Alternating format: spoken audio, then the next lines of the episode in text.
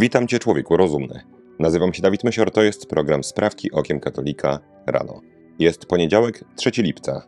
Dziś wspomnienie świętego Ireneusza z Lyonu, biskupa i męczennika, święto trzeciej klasy. Wszystkie sprawy nasze prosimy Cię, Panie, natchnieniem Twoim uprzedzaj, a pomocą wspieraj, aby wszelka modlitwa i praca nasza od Ciebie się poczynała i przez Ciebie się kończyła. Przez Chrystusa, Pana naszego. Amen. Chorwacja.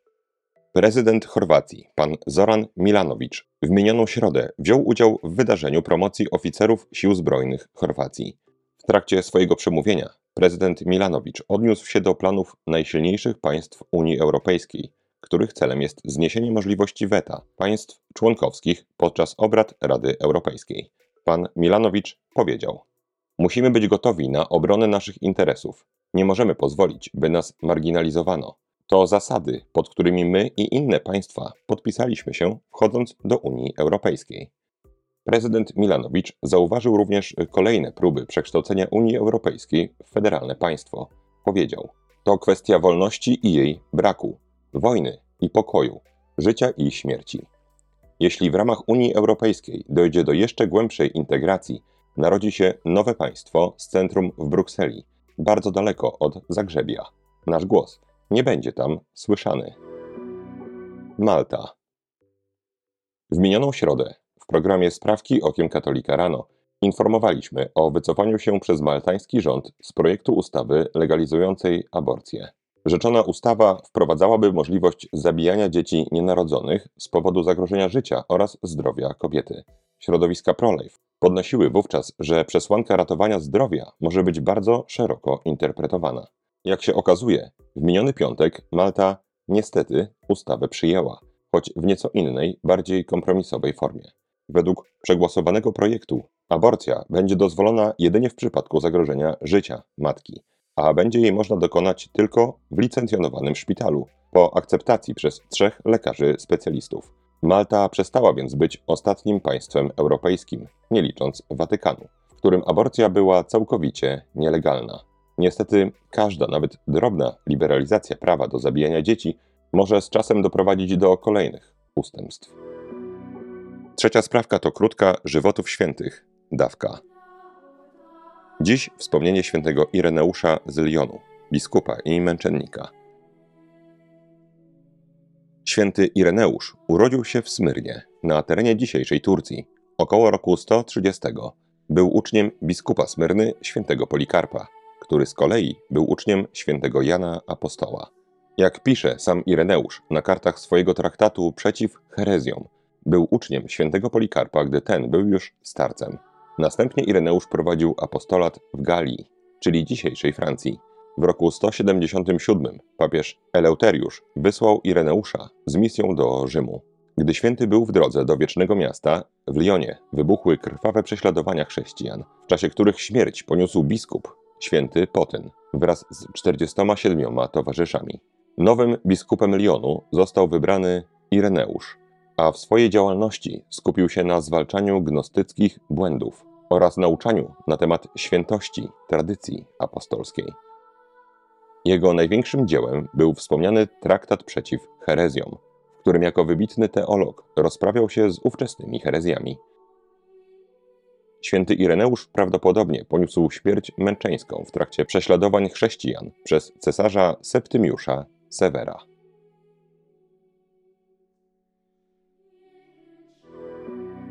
Ojczyzna świętego Ireneusza, czyli Francja. Jak informują międzynarodowe media, we Francji wzmagają się zamieszki w imigranckich dzielnicach wielkich miast. Powodem masowych demonstracji był incydent z minionego wtorku, w trakcie którego policjant zastrzelił 17-letniego mężczyznę pochodzenia algiersko-marokańskiego, który zdaniem policjanta w czasie kontroli drogowej chciał uciec samochodem, potrącając przy okazji funkcjonariusza.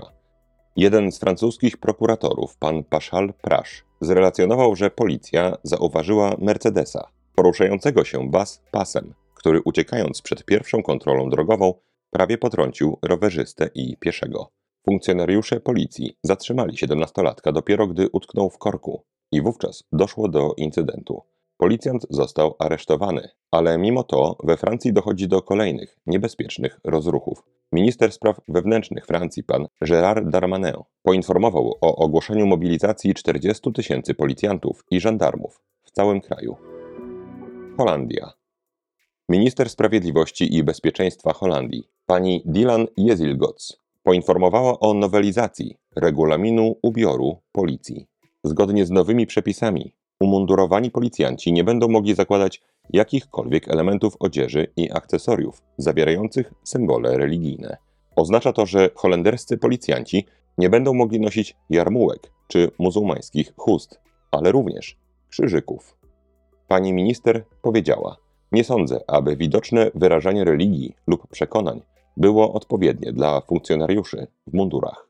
Nowelizację oprotestował pan Johan van Renswoude, koordynator policji do spraw walki z rasizmem, którego zdaniem muzułmańskie policjantki powinny zachować prawo do noszenia chust. Pan van Renswoude nie postanowił jednak konsekwentnie walczyć z nierównością i nie wyraził sprzeciwu wobec zakazu noszenia krzyżyków. Stany Zjednoczone Sąd Najwyższy Stanów Zjednoczonych wydał w czwartek przełomowe orzeczenie, w którym zakazał forsowanej przez wiele, wiele lat przez amerykańskie uczelnie zasady, według której pierwszeństwo w rekrutacji na studia mieli przedstawiciele mniejszości rasowych. Faworyzowanie mniejszości skutkowało faktyczną dyskryminacją białoskórych studentów, którzy byli ofiarami wyrównywania szans. Sędzia John Roberts w uzasadnieniu orzeczenia powiedział: Student musi być traktowany w oparciu o swoje doświadczenia jako osoba, nie w oparciu o rasę. Wiele uniwersytetów od zbyt dawna robiło coś odwrotnego. I robiąc to, skonkludowało mylnie, że kryterium tożsamości osoby jest nie to, jakie pokonała wyzwania, nabyła umiejętności, ale kolor jej skóry. Orzeczenie zapadło większością głosów 6 do 3. Przeciw byli wszyscy sędziowie nominowani przez prezydentów z Partii Demokratycznej. Polska. Centrum Badania Opinii Społecznych, CEBOS, opublikowało najnowszy raport na temat religijności Polaków. Zgodnie z badaniem, odsetek dorosłych Polaków określających się jako religijni spadł od roku 1992 z 94 do 84%.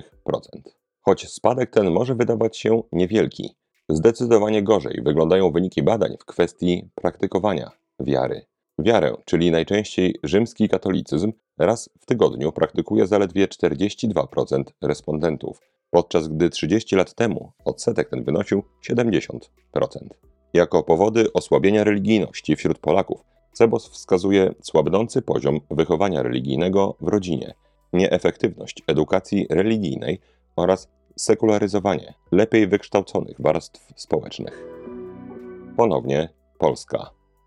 Jak poinformowało biuro prasowe Sądu Rejonowego w Rykach w województwie lubelskim, prokuratura rejonowa Lublin Południe skierowała akt oskarżenia przeciwko dwójce młodych mężczyzn. Jak czytamy w akcie oskarżenia, oskarżeni, działając wspólnie i w porozumieniu, obrazili uczucia innych osób, znieważając przedmiot czci religijnej. Mężczyźni dokonali aktu profanacji 2 stycznia bieżącego roku.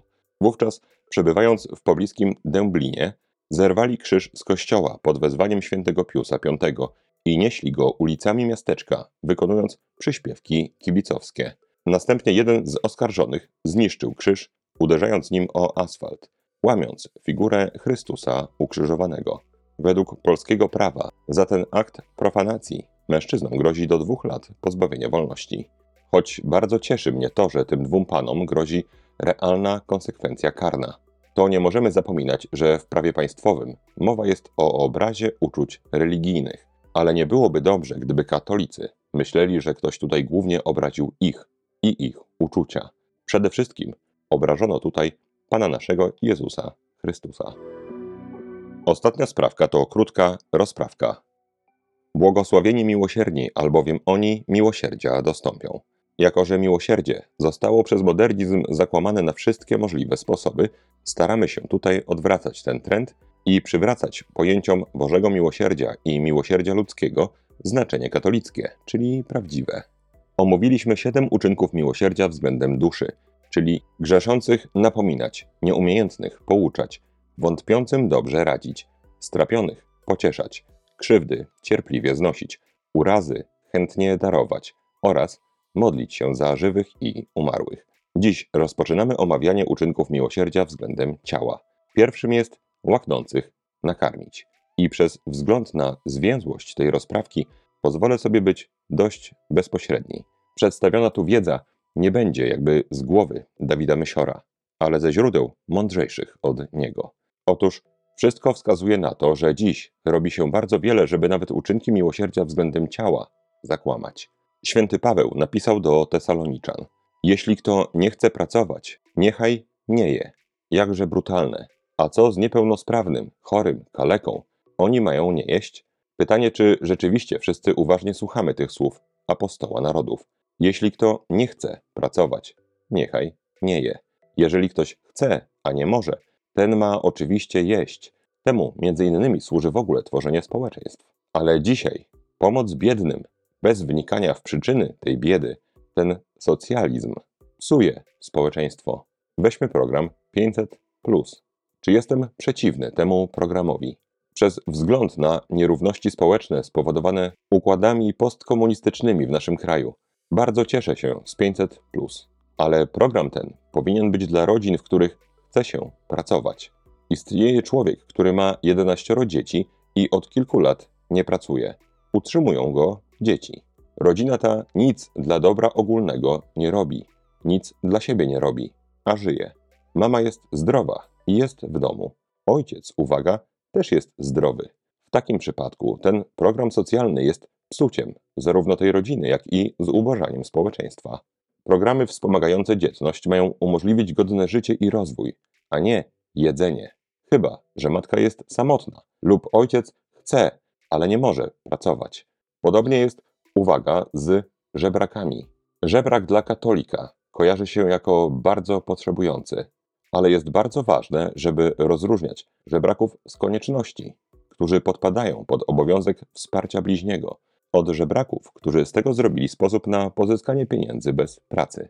Nie wiadomo, czy wśród żebrzących jest choć 10% tych, którzy chcą pracować, ale nie mogą, bo tylko tych łaknących mamy nakarmić.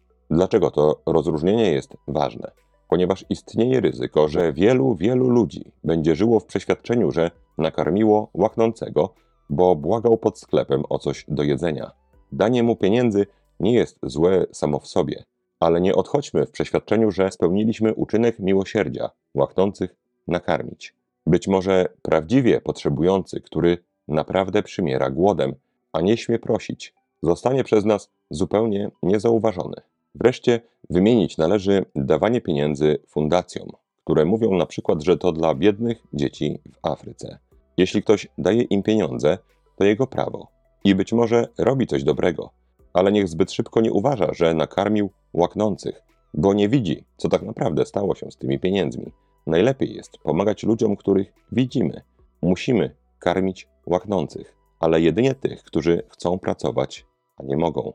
Karmić łaknącego, który pracować nie chce, to nie tylko nie spełniać uczynku miłosierdzia, ale najprawdopodobniej wyrządzać mu krzywdę.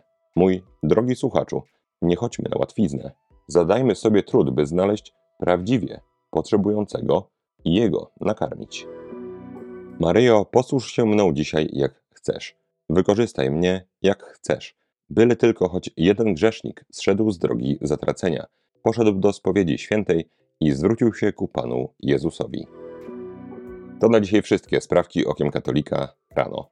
Jeżeli chcesz mi pomóc, daj proszę łapkę w górę pod tym filmem na YouTubie i napisz komentarz. Jeżeli chcesz wspomóc zespół Sprawek Okiem Katolika najmniejszą chociaż kwotą, to szczegóły jak można to zrobić znajdują się w opisie tego odcinka.